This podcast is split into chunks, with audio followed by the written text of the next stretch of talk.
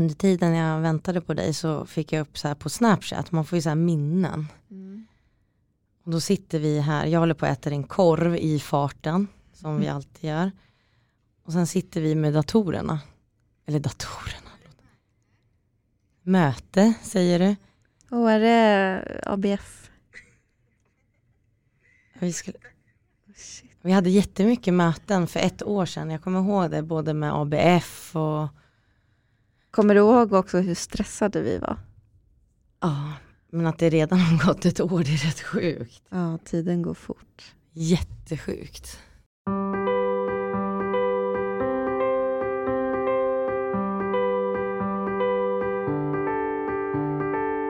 Hej, det här är Hanna Hej, det här är Angelica och det här är våran podd som heter Under livet. Ska vi med en gång säga så här, följ oss på Instagram. Vi heter Underlivet podd. Angelica, vad heter du på Instagram? Angelica Hackala. Angelica H-A-K-A-L-A. Och så Hanna Oredsson med O. Ni får jättegärna följa oss. Vi lägger alltid upp lite så bakom kulisserna. Det kan vara ganska kul att se tänker jag. Ja, och lite ibland på, jag har i alla fall låst Instagram, har du? Mm, ja det har jag.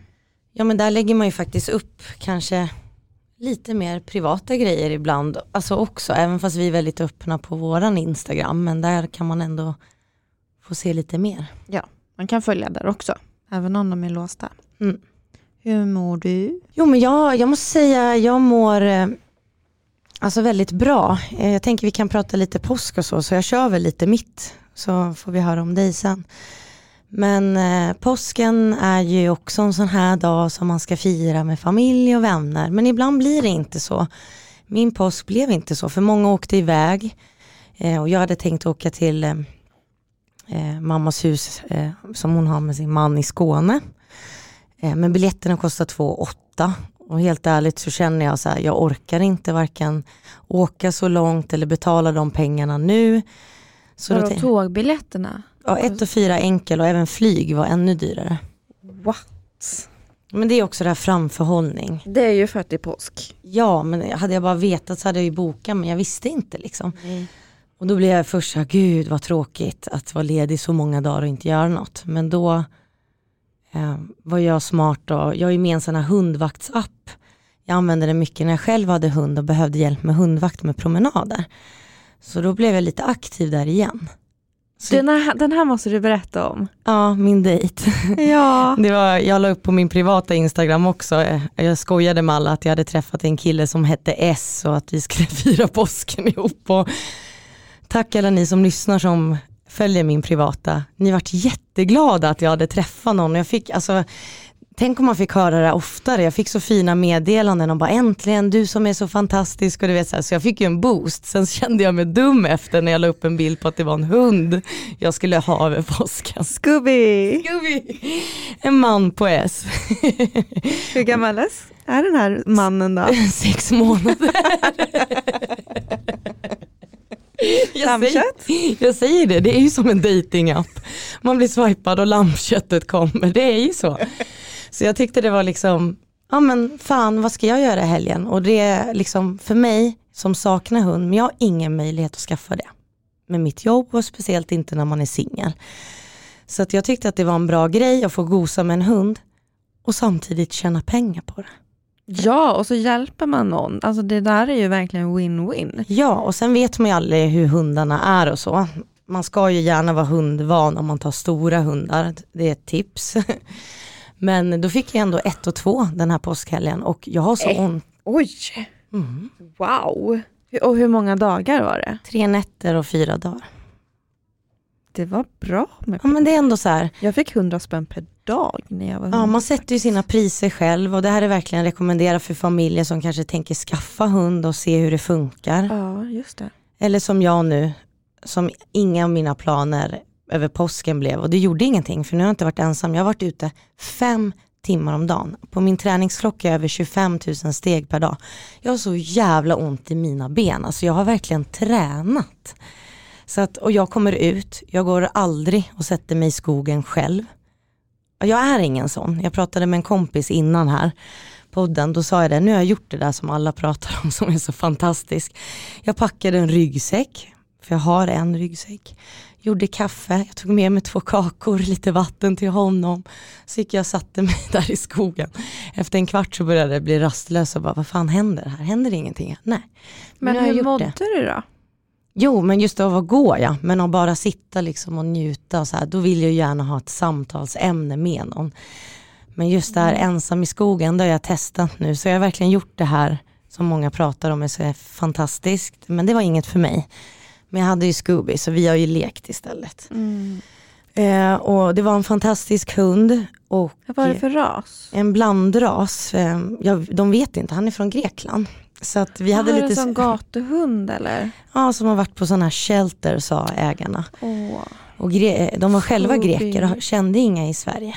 Okej. Så det här var första gången de lämnade bort Scooby. Så de var ju Mm. verkligen så här, mamma och pappa, de hörde av sig. Bara, Hur går det? Och du vet, så här, jättefina. Ja, för man, alltså, man kan ju få en magkänsla och så av en- en människa. Men det måste vara jätteläskigt att lämna bort sin hund. Eller så här, jag jobbade ju som barnvakt för några år sedan. Hos en familj i Enebyberg, två döttrar. Och så här, jag träffade dem en gång och sen så skulle jag hämta deras barn på förskolan. Alltså det är förtroendet. Och även om magkänslan är bra och allt det här så vet man ju aldrig. Det måste vara så jävla läskigt. Och det är det. Och jag tror att det är därför många använder den här appen och den heter Rover och det här är ingen reklam utan det här är verkligen ett tips för er som vill, liksom, om man har en ensam helg och vill komma ut. Nu kommer man ju ut så verkligen ett tips. Eh, och varför många väljer den här appen det är ju för att det är säkert. Du har ju veterinärhjälp typ 24-7 och allting är ju via appen så jag tror att det är därför många hundägare använder den för att just vem är det jag lämnar bort min Mm. hund till? Jag måste ju uppge alla mina uppgifter. Sen får ju de betala kanske mer än vad man hade gjort om man la upp på Facebook. Men det är ju mer en trygghet. Så många är ju, det är deras bebisar. Ja men det är ju det. De är jättemåna om dem och då vill Mm. man ju verkligen ta hand. Så jag har ju sett till att skicka bilder och så. Men på tal om att det är som en dejt, det var ju också att han och jag hade ju språk, eh, han pratar ju bara grekiska Scooby. Och jag säger kom hit, se. alltså du vet det funkar inte. Eh, Jag försökte, jag, vad heter korg på engelska? Go to the basket, bed, now, bed, oh, no. Så att vi har hållit på och bråkat om språket för att de pratar ju grekiska med honom. Så hon sa det, åh gud jag tänkte inte på det. Så det var verkligen som en Tinder-dejt. Det har varit intensivt. Jag tycker att du, eh, att du kan göra ett inlägg om det här eh, på vår Instagram. För det är ett jättebra tips om man är sjuk, till exempel genom matrios eller något annat och har en vecka hemma eller vad som helst så kan man få det här lilla sällskapet. Plus, och det är verkligen inte för pengarna jag gör det, men ni förstår ju att det är ändå så här, det är min påskhelg och det, det är ändå kul, jag fick ändå liksom, man får lite betalt, är man hemma i endometrios en vecka, vi vet ju det, där är karensdagen och det, men en hund kanske man orkar gå ut med tre gånger om dagen. Så att det här är Och att verkligen man något- kommer ut. Ja, och man kommer ut och jag kan säga nu att jag tog faktiskt en Palexia här idag. Mm. Åh. Men det är också för att jag har ju tränat. Det är så Mm. här kroppen bara stopp, vad händer? Och köra igång sådär hårt. Ni som tränar, men det blir väldigt hårt att gå, vara ute fem timmar intensivt när man ja. inte gör det annars. Men jag är också väldigt glad för jag har inte tagit en enda melatonin hela helgen. Så när jag har somnat, så bara för frisk luft och få komma ut. Jag bor ju i Stockholm, Hanna med. Alltså det, alltså det är inte, vi bor inte på landet så det är så skönt att få en anledning att komma ut. Mm. För att ligger man där hemma och ändå, och jag vet att en promenad gör mig gott, då jag, jag kommer inte upp, jag blir inte motiverad. Men har jag en hund som tittar på mig, Då blir det för någon annans skull. Ja, så jag kommer verkligen, jag kommer lägga upp lite bilder på Scooby och appen och jag rekommenderar verkligen till familjer eller som Hanna säger om man har en vecka hemma, man kan vara dagmatte, det tjänar man jättebra på. Det är många som behöver, alltså på dagarna, annars Mm. brukar jag köra storhelger. Mm.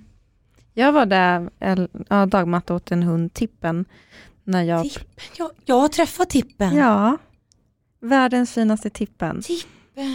Mm. Och jag passade ju henne när jag, eh, när jag pluggade på, hemma på distans. Det var svinbra. Hon tyckte att det var otroligt tråkigt när jag pluggade dock. Eh, så ibland så blev det inte så mycket plugg. Men det var ett jättefint sällskap.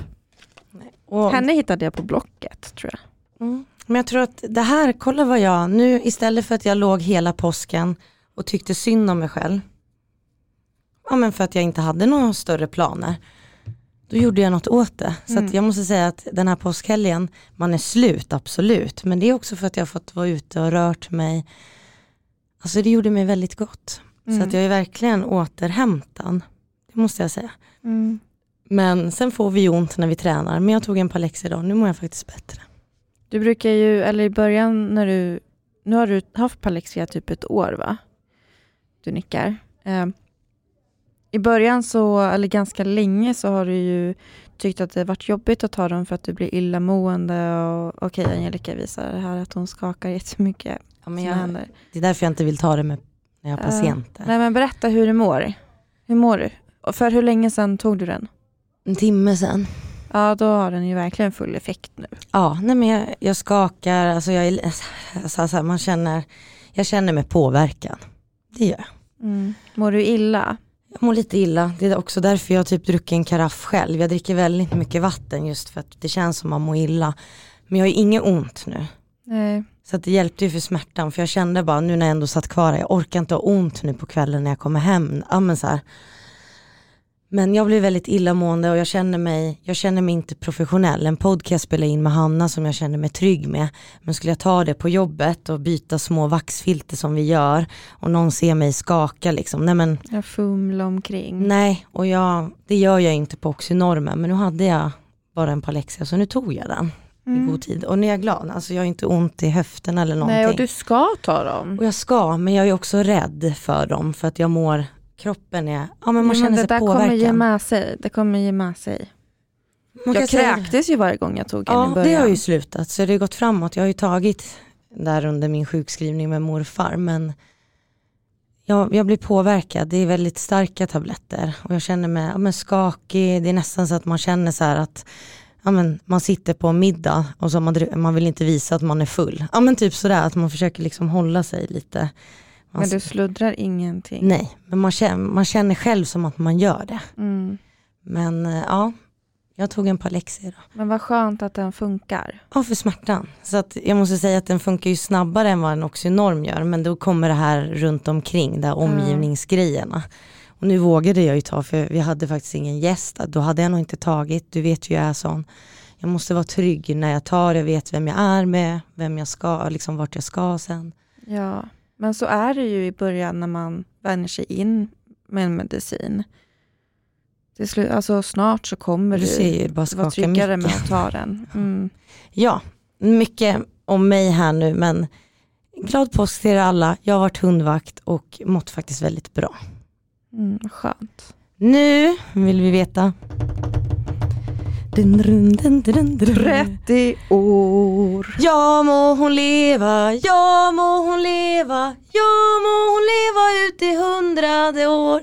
Ja visst ska hon leva, ja visst ska hon leva, ja visst ska hon leva ut i hundrade år. Stort grattis för Hanna, för hon fyller 30, hipp hipp, hurra, hurra, hurra! Nej men oj vad fint! Berätta, hur har 30, vad har hänt av påsken, allt och hur mår du, allt? Vilken fin sång Angelica, tack Jag så mycket. mig, tack. Ni skulle sett mig, jag satt här och gestikulerade stort. En liten sittdans. Eh, ja, men, eh, I förra poddavsnittet så pratade jag ju om födelsedagen och min bävan inför den. Och det handlade väl mer om så här, känslan av ensamhet och tidigare i min relation så har vi ju, födelsedagarna har varit som högtider. Alltså vi har liksom tagit ledigt för att fira våra födelsedagar och gjort det till så här överraskningsdagar för varandra från morgon till kväll. Liksom. Så. Och eh, dessutom nu så, jag fyller 30 och Eh, jag hade aldrig kunnat föreställa mig i mitt liv att jag skulle fylla 30 och inte ha barn. Och framförallt inte vara singel. Och eh, den, alltså jag är jätteledsen. Jag är helt förkrossad. över att jag är i den här situationen. Och acceptera att nu är det så här och det, jag är ung. Alltså det är ju inte det. Det är inte så att jag liksom eh, tycker att tiden är knapp eller så, utan det är bara att jag har alltid velat ha barn tidigt. Jag har alltid varit säker på den saken. Jag har väntat i flera år på att min, mitt ex skulle bli redo och sen när jag trodde att vi var det så blev jag lämnad och jag är inte bitter. Eller så är jag jättebitter. Uh, nej men det känns lite som att eh, ja, det, alltså det är svårt att acceptera hur det blev. Liksom. Och eh, just nu när jag är singel, jag dejtar ingen heller för tillfället, så är jag liksom så långt bort från den här drömmen. För det här är, det är verkligen det jag vill i livet. Jag, eh, visst det kommer vara jättekämpigt och vara förälder, någons mamma, när man är sjuk i endometrios. Jag mår jättedåligt. Jag tänker väldigt ofta på så här, kommer man ens klara av det? Men eh, jag har hela tiden landat i att men jag kan inte, jag vill, jag vill inte leva ett liv utan barn, utan egna barn. Och jag vill inte bli äldre och inte se mina barn växa upp, eh, inte få barnbarn. Alltså, familjen är viktig för mig och det har den liksom alltid varit. Och det är självklart att jag också ska ha min familj då. Jag tänker ju också så här, alla, jag har ju också drömmar om en familj så, men sen finns det ju vissa, till exempel du nu som faktiskt berättar, sen har jag ju andra vänner också som många har drömt att Alltså när man var liten, alltså fatta mig rätt liten tonåring, då var ju 30, åh när jag är 30 då ska jag ha gjort det här och det här. Och många som hade, det är ju ändå mål man har i livet. Och för dig har det ju verkligen varit en dröm eh, slash mål ändå. Och sen när man väl kommer dit då tror jag att smällen blir hårdare för dig än för mig som kanske inte har bestämt, jag vill bara ha det kanske men jag har inte liksom du har ändå varit med att jag, när jag är 30 så ska jag åstadkommit det här och det här. Så jag tror att det blir ett väldigt hårt slag mot dig då. Ja men det har ju varit där i mina föreställningar hela, hela tiden. Um, och med all rätt också, alltså verkligen, jag menar inget sånt, men jag menar man har rätt att drömma och du har haft ett långt förhållande, det är inte konstigt. Jag menar bara att det är nog därför att du liksom mår ännu sämre för att du hade det här i din, ditt huvud, liksom, det här vill jag ha. Mm. Och jag var så nära det också, eftersom att jag slutade med min behandling och tog eh, ägglossningstest och så vidare. Um, jag vill inte slänga någon under bussen, men eh, nej förresten. men jag, jag sätter punkt där. Jag ska inte prata mer om det och den relationen. Eh, kanske längre fram, men saker och ting, alltså, eller det här med barngrejen är fortfarande, det är skört. Alltså det, och det kommer det nog vara länge. Det kommer kanske vara det tills jag har ett barn. Jag vet inte. Kommer jag någonsin få ett barn? Jag vet inte. Jo men nu, det här är ju tunga grejer. Vi ska presentera dagens samtalsämne sen. Så att vi, vi bygger upp här lite om våra känslor, för vi är själva här i poddstudion idag. Men annars 30 då, vad hände? Ja, ja bra. Det här är ändå känslan kring 30, men vad hände? Alltså... Ja, nej men det blev en otroligt bra och fin födelsedag. Um, min syrra Sara eh, smsade mig efter att det här avsnittet kom ut och, och, skrev, kan, kan inte du, alltså kom till Karlstad så firar vi dig. Och eh, ja men visst, jag kommer. Så mamma och min lillebror Liam kom, eh, de körde från Karlstad till Stockholm på onsdag kväll och jag fyllde på torsdagen så då väckte de mig med sång och kladdkaka och ja, men massa kärlek och det var jätte, jättefint och så hängde vi runt lite i Stockholm vi käkade lunch ute och så. och Sen så körde vi till Karlstad och hem till min syra och min svåger och deras två döttrar. Som jag är så tacksam för. För att det får den här barnlängtan att kännas lite enklare att bära. De är, ja, jag älskar dem så mycket. De är så viktiga för mig. Um, och där hade de dukat upp till en, till en 30-årsfest. Ja. Jag sa ju att det skulle bli bra, ser du? Mm. Ja. Fantastisk dag. Ja, och det fortsatte hela påskhelgen ut med ännu mer häng och överraskningsmiddag och sådär. Så att eh, jag hade det hur bra som helst. Så det känns jättebra. Och sen var det ju så fin helg också att åka iväg, alltså vilket väder. Ja, det har verkligen varit, alltså vi har känt av försommaren typ. Perfekt helg för att åka iväg och fylla år. Bra fylla år vid påsken. Men det brukar vara alltså t-shirtväder ute när jag fyller år. Det är ju perfekt, bara det gör ju att man blir extra glad. Mm. Hur har måendet varit då? Men jag, Ändon och allt. Ja precis. Nej men det har inte varit så bra för jag hade också mens under födelsedagshelgen såklart. Jag eh, har, är ju på första kartan av slinda behandlingen. Det är p-piller. Och eh, då skulle jag ta de här sockerpillerna första månaden. Japp, då inföll det under födelsedagen och Eh, på fredagskvällen så sov jag hos eh, min syrra och jag sov tillsammans med femåriga Idun i hennes 90-säng. Och det var så mysigt, vi hade pyjamasparty. Men på morgonen så blev, var jag så illamående för kroppen var väl så himla trött liksom, av smärtor att jag kräktes och eh, hade liksom svårt att få i mig mat hela den dagen på lördagen där. Och då hade de också fixat en jättetrevlig middag på eftermiddagen som jag fick trycka i mig. Så kroppen är, eh, den är trött och den gör ont. Jag har haft migränattacker varje dag. Det går över tack och lov med Sumatriptan.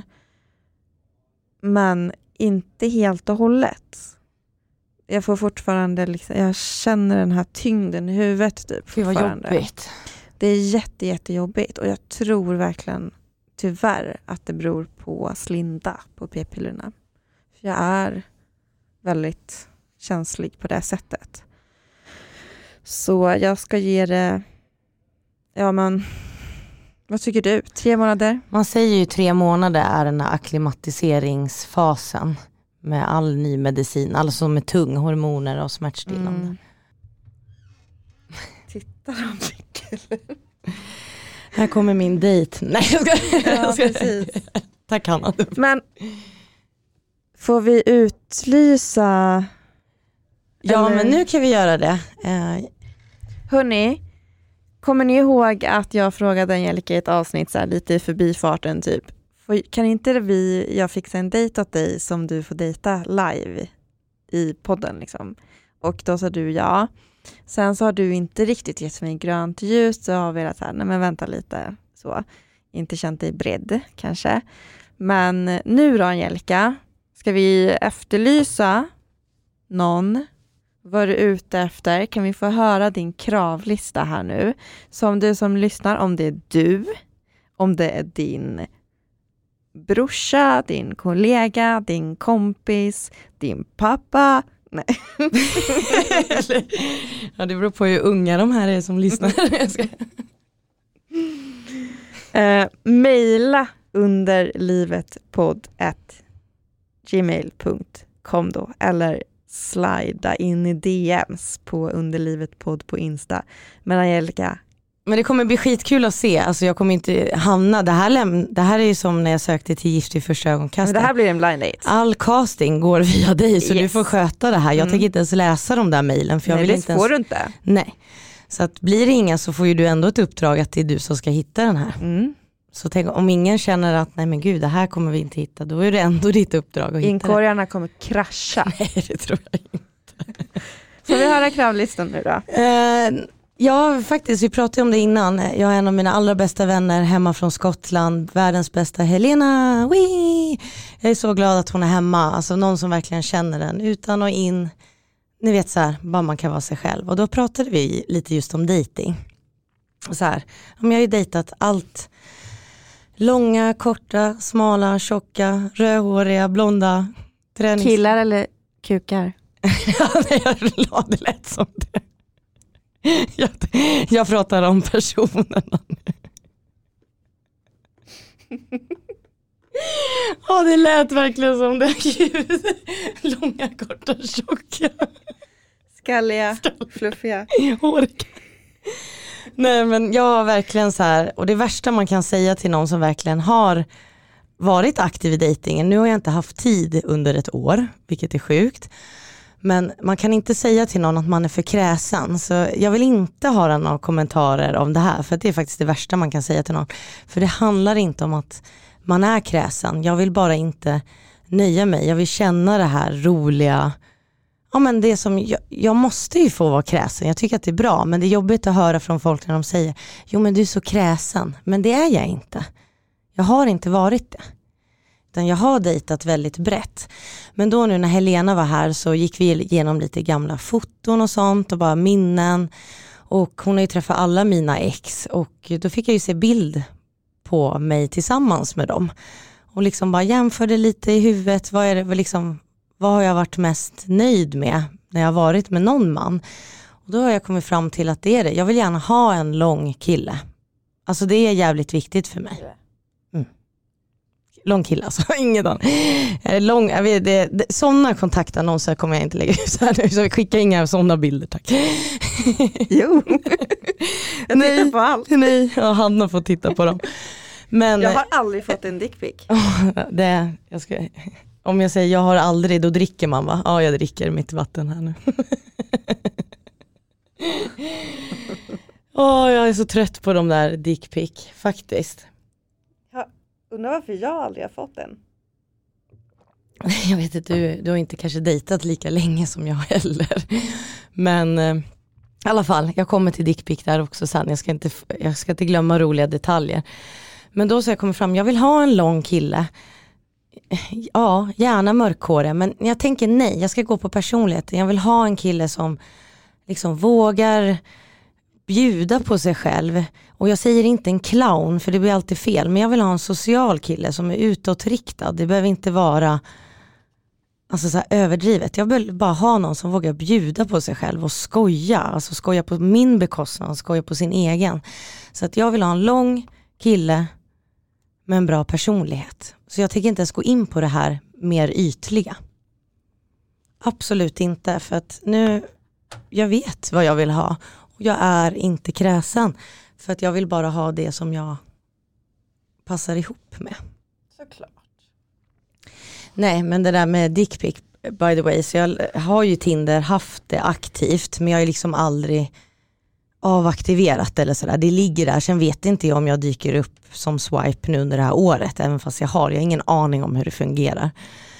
Men så jag aktiverade ju det i helgen, fick lite så här feeling. Eh, och då var det ju så här, jag bara, jag ska inte titta nu ålder, utan jag har ju lagt ett åldersspann. Nu ska jag gå på det här, kolla lite breda axlar. Man, om, om man ser det här, ah, den här, att man ser den här glimten i ögat. Sen om jag har matchat med dem, då har jag gått in och läst lite profi, pro, på profilerna. Och då var det ju allt blandat jag fick, men bland annat nu i helgen då, om ni vill ha färsk info över påsken här, så var det ju en kille som var 26. Eh, och ja men du vet, profilen såg bra ut och han skrev hej hej, Eh, hur har påsken varit? Eller påsken pågår ju än, typ. Och ja, då går jag in här nu, för jag tycker det är så tråkigt att skriva, jag hatar att skriva. Men jag bara, nej men då berättar jag. Nej men jag har varit där hundvakt, lite det ni fick höra mig prata och babbla här, för jag pratar så jävla mycket jämt. Men jag berättar om min helg. Och så bara, du då? Liksom, ja men jag är hos föräldrarna och påskmiddagen, det var på lördagen, börjar lida mot sitt eh, slut och det börjar lite rulla under fötterna. Du har inte lust att sova ihop. Snark. Nej men så, alltså direkt och jag bara kände så här, här kommer jag in med ett friskt, nu jävla vet jag och jag gick på mina nya meriter som jag var ute efter och så kom det igen. Ja men han är 26. Ja, men det spelar ingen roll. Han bor säkert hemma fortfarande. Ja, kanske. Nej men alltså, det handlar verkligen inte om ålder, men just det här med dickpic och sånt, alltså det har jag ju fått. Alltså en kille som var 40 plus, världens, var chef för något företag och allting. Jag kommer ihåg det.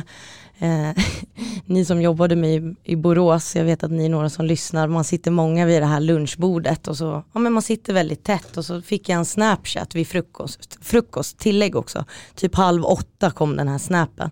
Då har vi snappat lite bilder på varandra. Ja men så här, på väg till jobbet eller ute och går.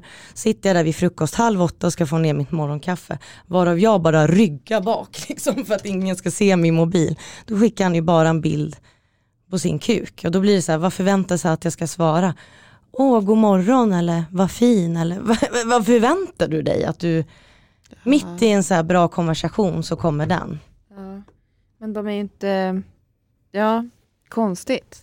Nej men så att, och det, det har man fått och jag bara känner så här direkt, absolut förut när jag var ny singel, men man vet ju inte hur man ska hantera sånt här. Man har ändå pratat och så kommer en sån där bild. Men nu när det kommer så jag bara gå in och avmatcha direkt eller om det är någon som gör så eller jag orkar inte ens jag orkar inte ens ta den här argumentationen att vad var det där? Det gjorde jag förut, nu tar jag bara bort för jag orkar inte. Mm. Bra. Och det är lite det som är så tråkigt, det är därför vi har snackat om den här blind daten och nu säger jag det är grönt, du får göra precis vad du vill. Ja men eh, vad, vilka krav har du då? Ja, men det är en lång kille och någon som verkligen... Ålder? Oj, en liten rap kom här. 26 till 45, spannet. Ska han uh, ha barn? Alltså... Inget sånt spelar någon roll. Jag går på längd och gärna lite breda axlar. Jag är själv väldigt lång och använder ofta klackar så jag blir ju 1,75 och jag har dejtat dem som 1,70 också. Alltså jag har försökt allt. Så att jag vill gärna ha någon som är lång, lite bredaxlad. Jag vill känna en liten björn som kan krama mig och gärna någon som liksom är rolig och vågar ta för sig och man vet kanske någon, det hade varit en dröm att gud, men han kanske har haft ett långt förhållande eller han har mycket med karriären. Det gör absolut ingenting för jag är jätteupptagen. Man får gärna resa inom jobbet. Alltså jag är väldigt öppen med allt, barn och sånt. Men en Ska lång... han bo i Stockholm? Ja, det, det måste jag säga faktiskt. Eh, absolut om man pendlar, det finns ju nära så här, Uppsala och sånt.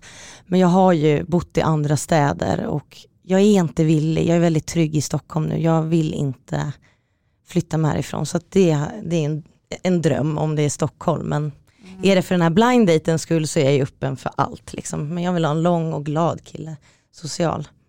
Mm.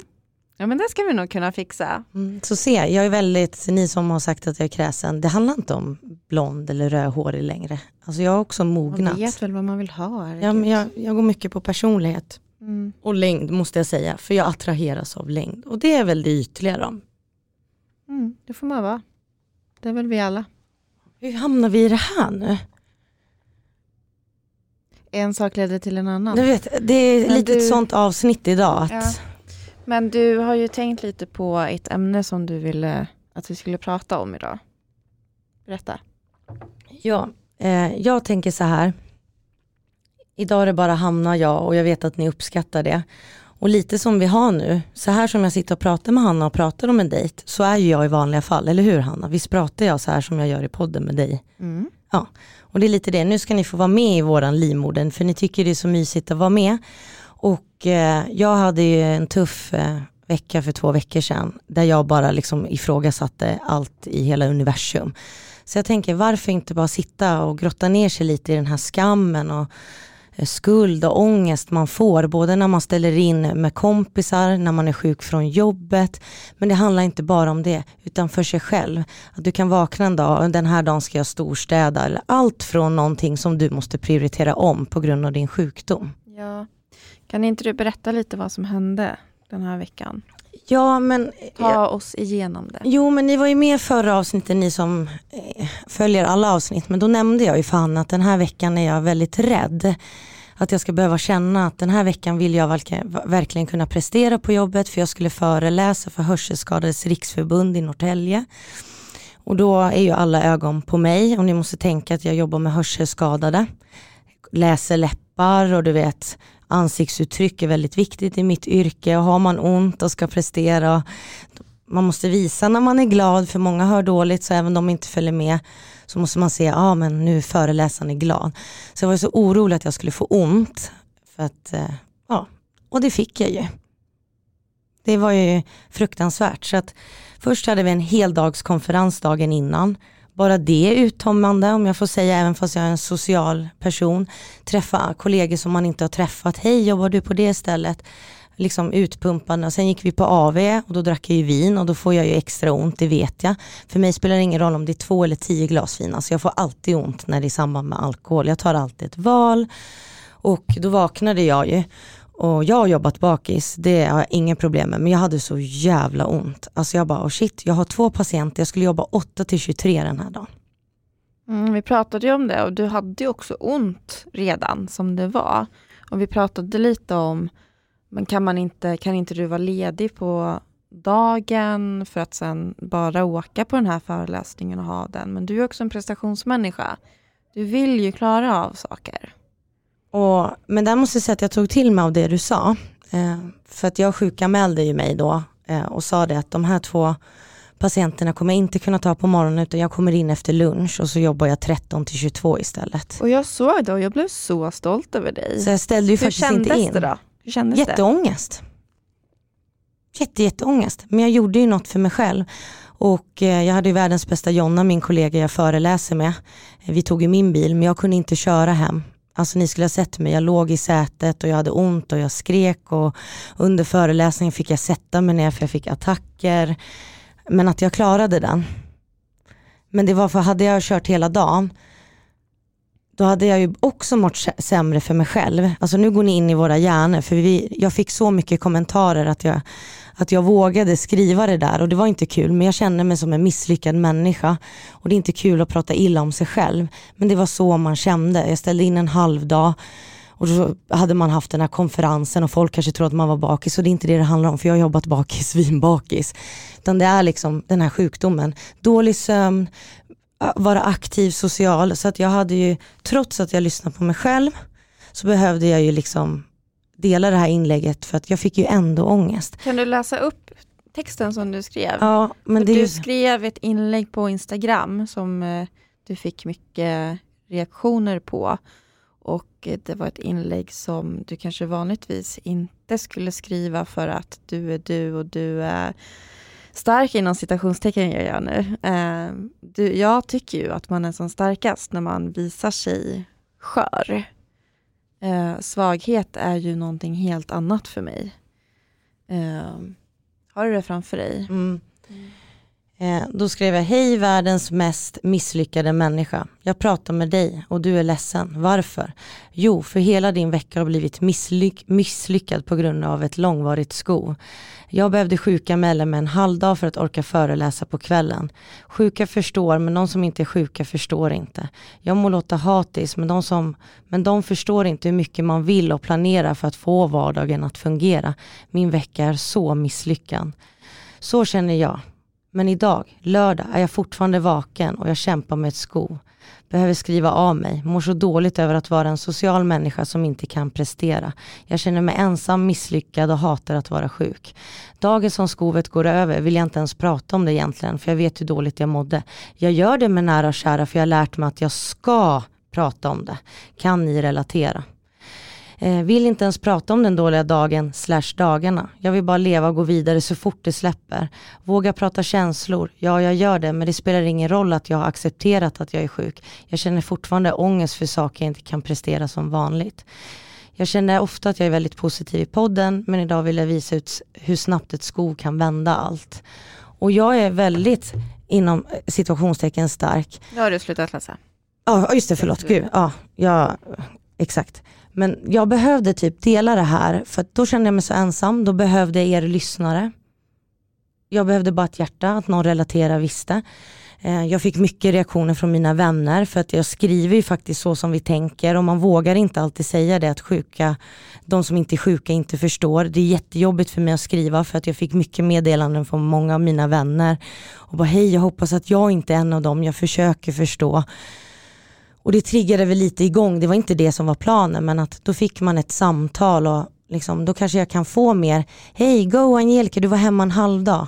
Jag älskar dig Amelia för du skrev precis det innan jag ens hade skrivit det här inlägget.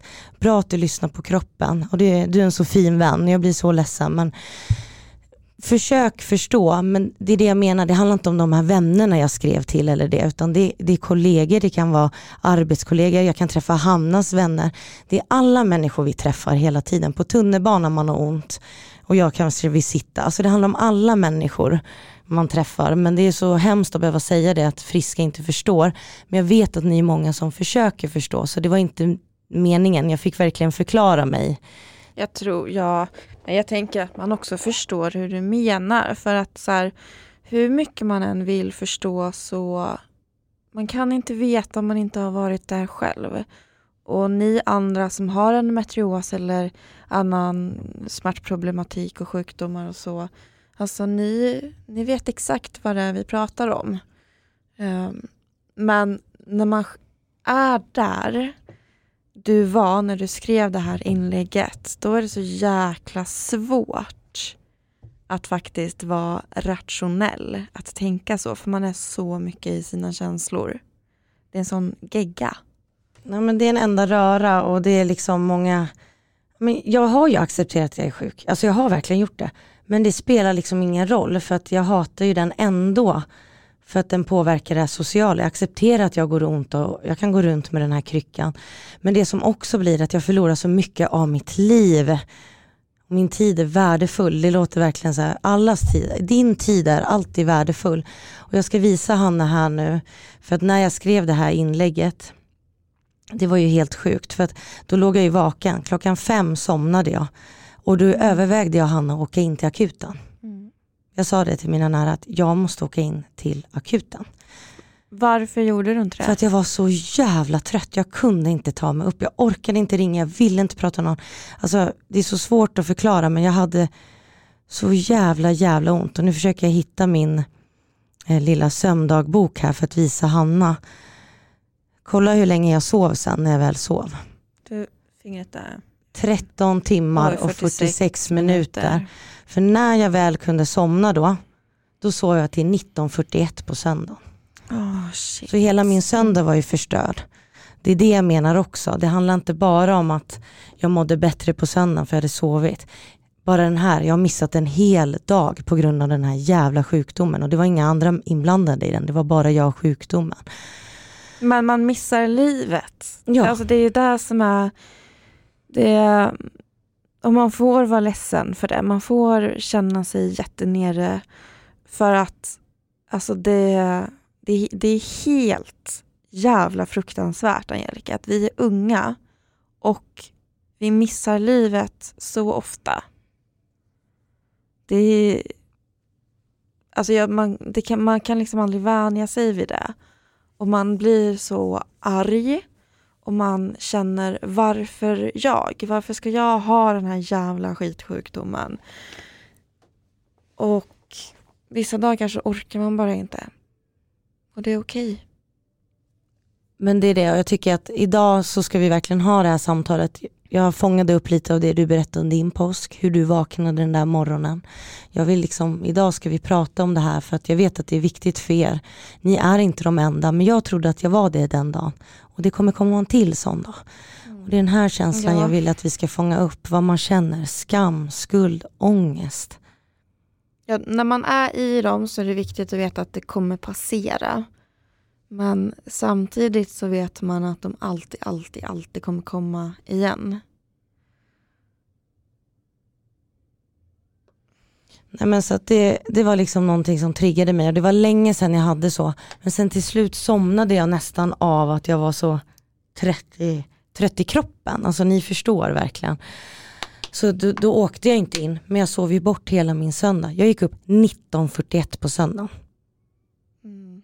Mm. Jag, och då gick jag inte in på sociala medier, sån är jag då, för då vill inte jag se vad folk har gjort och vad jag har förlorat Man den här dagen. Man vill inte veta att världen pågår utanför. Det, det är alldeles för jobbigt. Eh, och det jag känner är ju ofta det här ångest och sånt. Vad, vad, känner du? Kan, alltså, du, behöver inte ens, du behöver inte ens vara nära i nutid. Nu kom vi in på det här för att jag har känt så. Men har du någon situation, typ nyårsafton kanske, man vet att man ska gå på en ny fest. Hur känner du? Känner du också den här rädslan kring, och undrar hur jag kommer må den här dagen? Och ens, ens behöva tänka så? Ja, ja, ja. Alltså, jag, och jag, jag tänker så, eh, tror jag, inför alla sådana där speciella dagar. Både de som kommer nu, som man har så planerat framför sig, men också de längre fram. Eh, vi pratade lite så innan vi startade inspelningen, att när Athena var här Eh, och gästade oss och pratade om sin podd Min dolda smärta och eh, sin endometrios och pratade hon om rädslan att ha ett skov, en smärtsam och dålig endometrios på sitt, sin bröllopsdag. För det kan ju verkligen hända. Um, och vad fasiken gör man då liksom? Um, och jag har ju suttit, alltså jag har ju haft eh, födelsedagsmiddagar där jag har själv fått gå ifrån för att jag mår dåligt. Så att jag har ju missat de här viktiga dagarna och tillfällena i mitt eget liv. Och hur känner du? Vad är din känsla då? Alltså... Men jag blir jätteångestfylld. Alltså ångest är det första som kommer till mig. Och jag får även ångest när jag tänker alla de här tänk om inför de dagarna som ska komma och de datumen som jag vet att det här datumet måste jag må bra. Jag vill vara med och jag vill uppleva det här. Jag vill inte behöva ställa in. Det här är en dag som är viktig i mitt liv. Um, och Det är också ångest att inte veta om man kommer kunna uppleva det eller inte. Men det är absolut smärtsam, definitiv ångest. När man inser att jag klarar inte det här jag måste åka hem eller jag kan inte gå upp ur sängen, jag måste ställa in. Det är så jävla jobbigt att ställa in. Men där har ju du, alltså nu, nu är det du och jag. Där har ju du liksom tagit ett val som vi ofta pratar om att nu gör jag rätt, jag är hemma. Vad mm. fan, vad händer efter? Man gör ju det här för sin egen skull och man säger ifrån men det känns som att vi har aldrig tid att bearbeta för att den här sjukdomen, först hanterar man smärtan och man tackar nej till saker. Mm. Sen kommer en annan del av sjukdomen, det här att vad man faktiskt har gjort, behövt tacka nej. Då börjar en annan bearbetning i den här resan med här ångest och skuld. Och, ja, ja. Liksom, visst är det sjukt? Alltså, känner du också så ofta när du ställer in att du gärna vill skriva till dina vänner så här lite extra bara för att, åh gud, nästa gång jag hoppas, alltså att man nästan överdriver. Alltså känner du igen dig? Ja, verkligen. Uh, ja, ja, ja. Och jag gråter ju ofta och vill nästan så ringa upp och visa att jag gråter. Gud vad sjukt, alltså wow, alltså jag ska ta av nu bara, jag, känner, jag vill bara säga vad jag känner igen mig. Det är nästan, jag vill gärna lägga upp en bild, alltså jag vill gärna visa. Eh, jag pratar gärna, idag har jag bara ätit en macka. Alltså jag går in i det här, det här djupa bara för att folk ska förstå. Liksom. Och det här gör jag jätteofta för dig, eller hur? Ja, det gör Och då säger du alltid så här, men Hanna du behöver inte redovisa för mig. Ja, men jag säger ofta det för att jag vet vad hon är. Jag vet vad Hanna är. Vi, vi men man kan... har det ju i sig, alltså det sitter ju där. Det är nästan som en reflex. Direkt kommer den. Nej men eh, jag vet ju att du ska åka iväg på en resa här nu och prestera och vara lärare. Eh, och ta hand om en stor grupp och ändå kunna vara social med sina kollegor. Alltså vi pratar om många faktorer. Kunna vara en lärare, kunna vara en bra kollega och ta hand om sig själv. Känner du en oro inför resan att hur det kommer gå?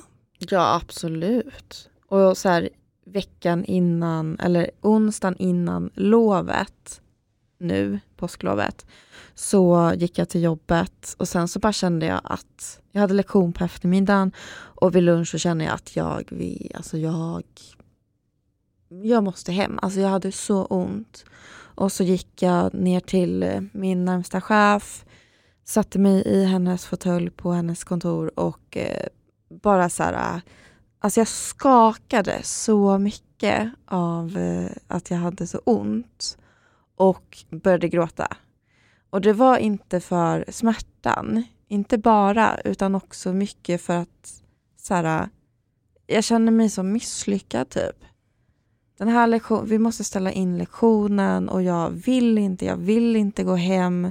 Och hon var så här, nej men Hanna nu kommer jag börja gråta. Det blev så fint och det blev så bra. Hon förstod verkligen mig. Det är helt fantastiskt att ha en chef som har koll på en matrios och tar hand om mig i sådana situationer. Men eh, så det tar ju, jag har ju kräkts eh, och gått tillbaka till en lektion. För att in i det sista så vill jag finnas där för eleverna och för kollegorna och att så här, allting ska fungera och gå vidare.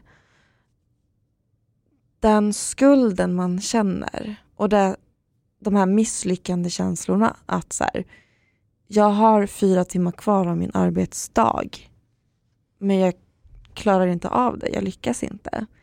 Alltså den prestationsångesten som kommer då, den är helt fruktansvärd. Fastän jag vet att det är okej okay att gå hem. Fastän jag predikar det och säger det till dig hela tiden. Att du ska gå hem och du ska stanna hemma och du ska vara sjuk och så vidare. För att du är sjuk. Men ändå, så när man är där själv så är det så himla svårt. Man är så elak mot sig man, så, man dömer sig själv så himla mycket. Och det är det. Eh, sen har man ju olika relationer med alla. Med vissa kan man ju verkligen säga till hur man känner och så. Men det är så jobbigt den här känslan och känna den här skulden och skammen när man faktiskt gör någonting bra. Och det var lite det jag lite menade i mitt inlägg och det var därför jag gjorde ett hjärta här i bakgrunden. Det var det jag ville fånga in i det här avsnittet när jag tänkte. Det här misslyckandet alltså som man känner liksom runt omkring. Det är mm. det som jag menade att friska inte förstår. Att bara för att jag nu har tagit ett val och hemma och vila, det betyder inte att jag mår bra den dagen. Alltså, och det här du berättat, jag måste bara hem. Alltså där relaterar jag så mycket, för när man har den här ont eller man känner att det är på gång, alltså erkänn, man bryr sig inte ens om man, man kan till och med glömma jackan. Alltså förstår du vad jag menar? Man ja. måste vara bort. Och det är den känslan lite runt omkring att man vill skydda sig själv, man vill fort hem. För att den här skulden och ångesten kommer då, man vill inte visa sig kanske sjuk för alla heller. Alltså det är det, det är så mycket runt omkring den här sjukdomen. Det där du sa var ju perfekt, det var precis det jag ville säga, att man ville liksom springa ifrån den. Jag måste bara hem nu, nu, nu. Mm, ja, men jag gick ju upp till mitt arbetsrum där jag, som jag delar med ett gäng andra kollegor. Och där satt ju en av mina kollegor och jag packade ihop mina grejer och tog min jacka liksom och han frågade så här, men ska du gå hem? Eh, och, så, ja, men, och han vet att jag har en meteoros så jag sa typ så här, ja men jag har ont så, men jag kommer imorgon typ. Eh, och det var det enda jag kunde säga och sen var jag tvungen att gå för att jag hade börjat gråta annars. Nej, men jag vet precis vad du menar. Jag har haft, inte det här skovet, men jag har haft många. Jag bara tar lite exempel på hur man reagerar. Jag behövde bara fort gå hem från jobbet. Men jag orkade inte ta mig sista vägen hem mm. med bussen så jag tog hellre en taxi. Mm. Och där kommer vi in på det här också, att man är så sjuk så att man skiter i, även om man vill säga nu att man, ja men många kanske här studerar som lyssnar på oss, man har inte de pengarna. Men när man är så sjuk då skiter man i allt. Man bara sätter sig i en taxi, man lägger hellre pengar på hämtmat även fast man inte ens äter den, man kanske äter en pommes men man vill bara liksom fly, så det ekonomiska, allt, ingenting spelar roll när du har så ont. Nej, det blir ett tunnelseende nästan. Mm. Och tänk Angelica, vi har så många sådana dagar. Och ändå blir man aldrig van det. Och jag läste ju, jag svarade på de flesta kommentarerna, både privat jag fick och det där.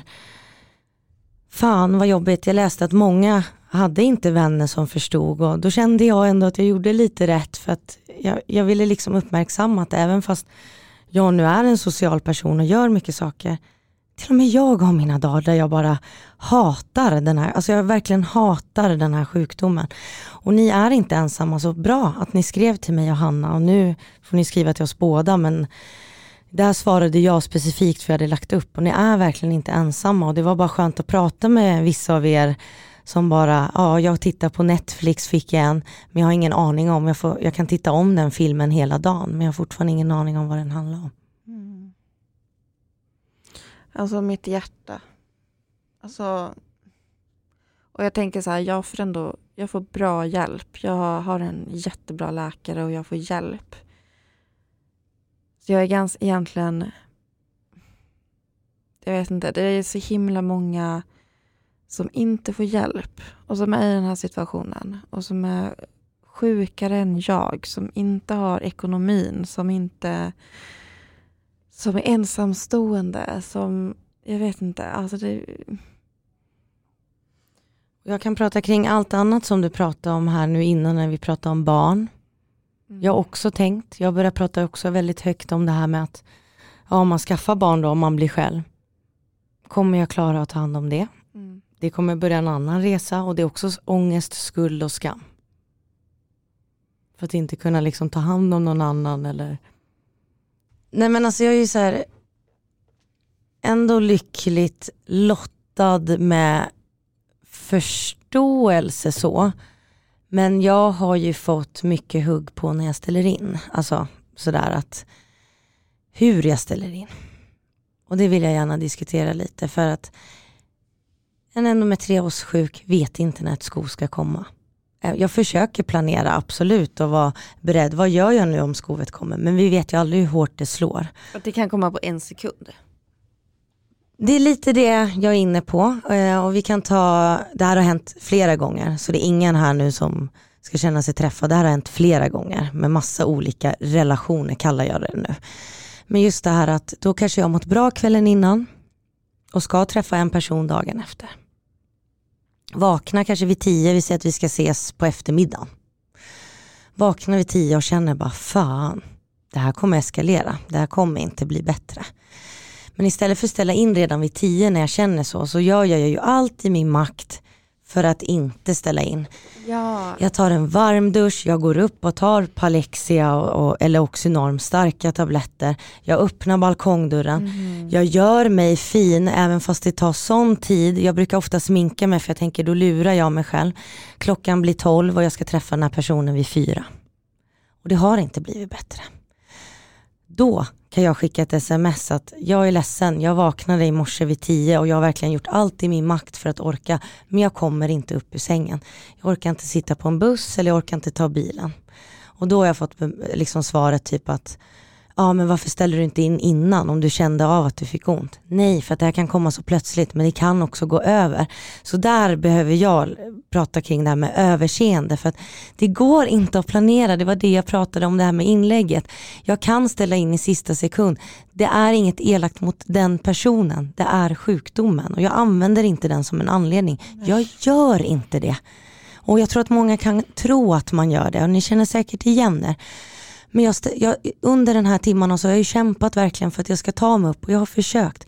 Men det går inte och då får man det här, ja men nu har jag kanske slösat min dag och väntat på dig. Liksom. Ja precis, då, kanske, då hade jag ju kunnat planera något med någon annan.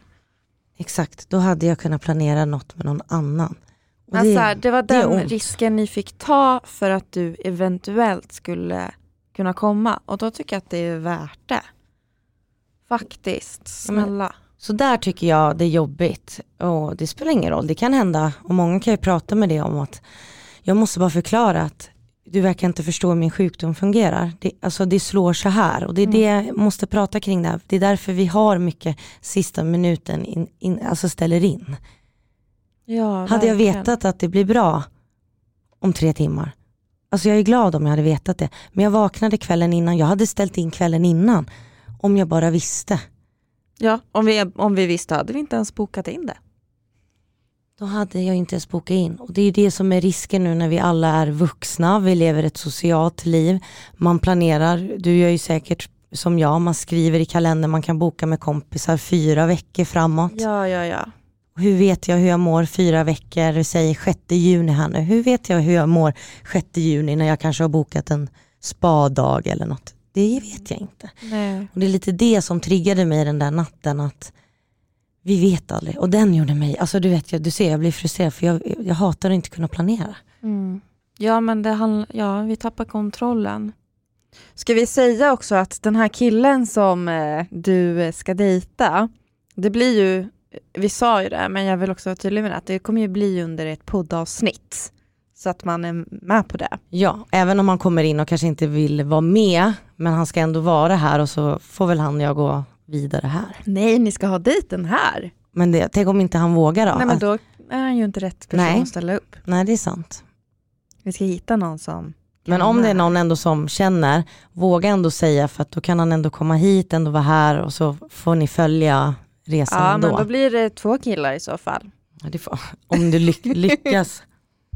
Det ska bli jätteintressant. Jag lämnar verkligen det här till dig nu. Ja, du får inte öppna mejlen. nej men jag ska, så fort jag ser, nej och är det något jag ser på Instagram som är, då kommer jag kolla bort och inte kolla upp. Utan, alltså jag ser verkligen fram emot det här.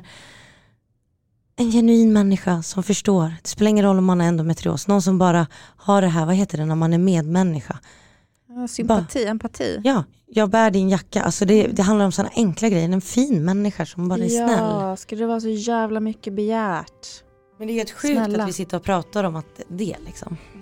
Men eh, tack för det här poddavsnittet. Ja, det blev li- lite tankar här och jag Ja. hoppas att ni vågar skriva till oss när ni känner det sådär som jag kände den dagen. För ni är inte ensamma. Nej, herregud, vi är så många. Skriv. Puss och kram.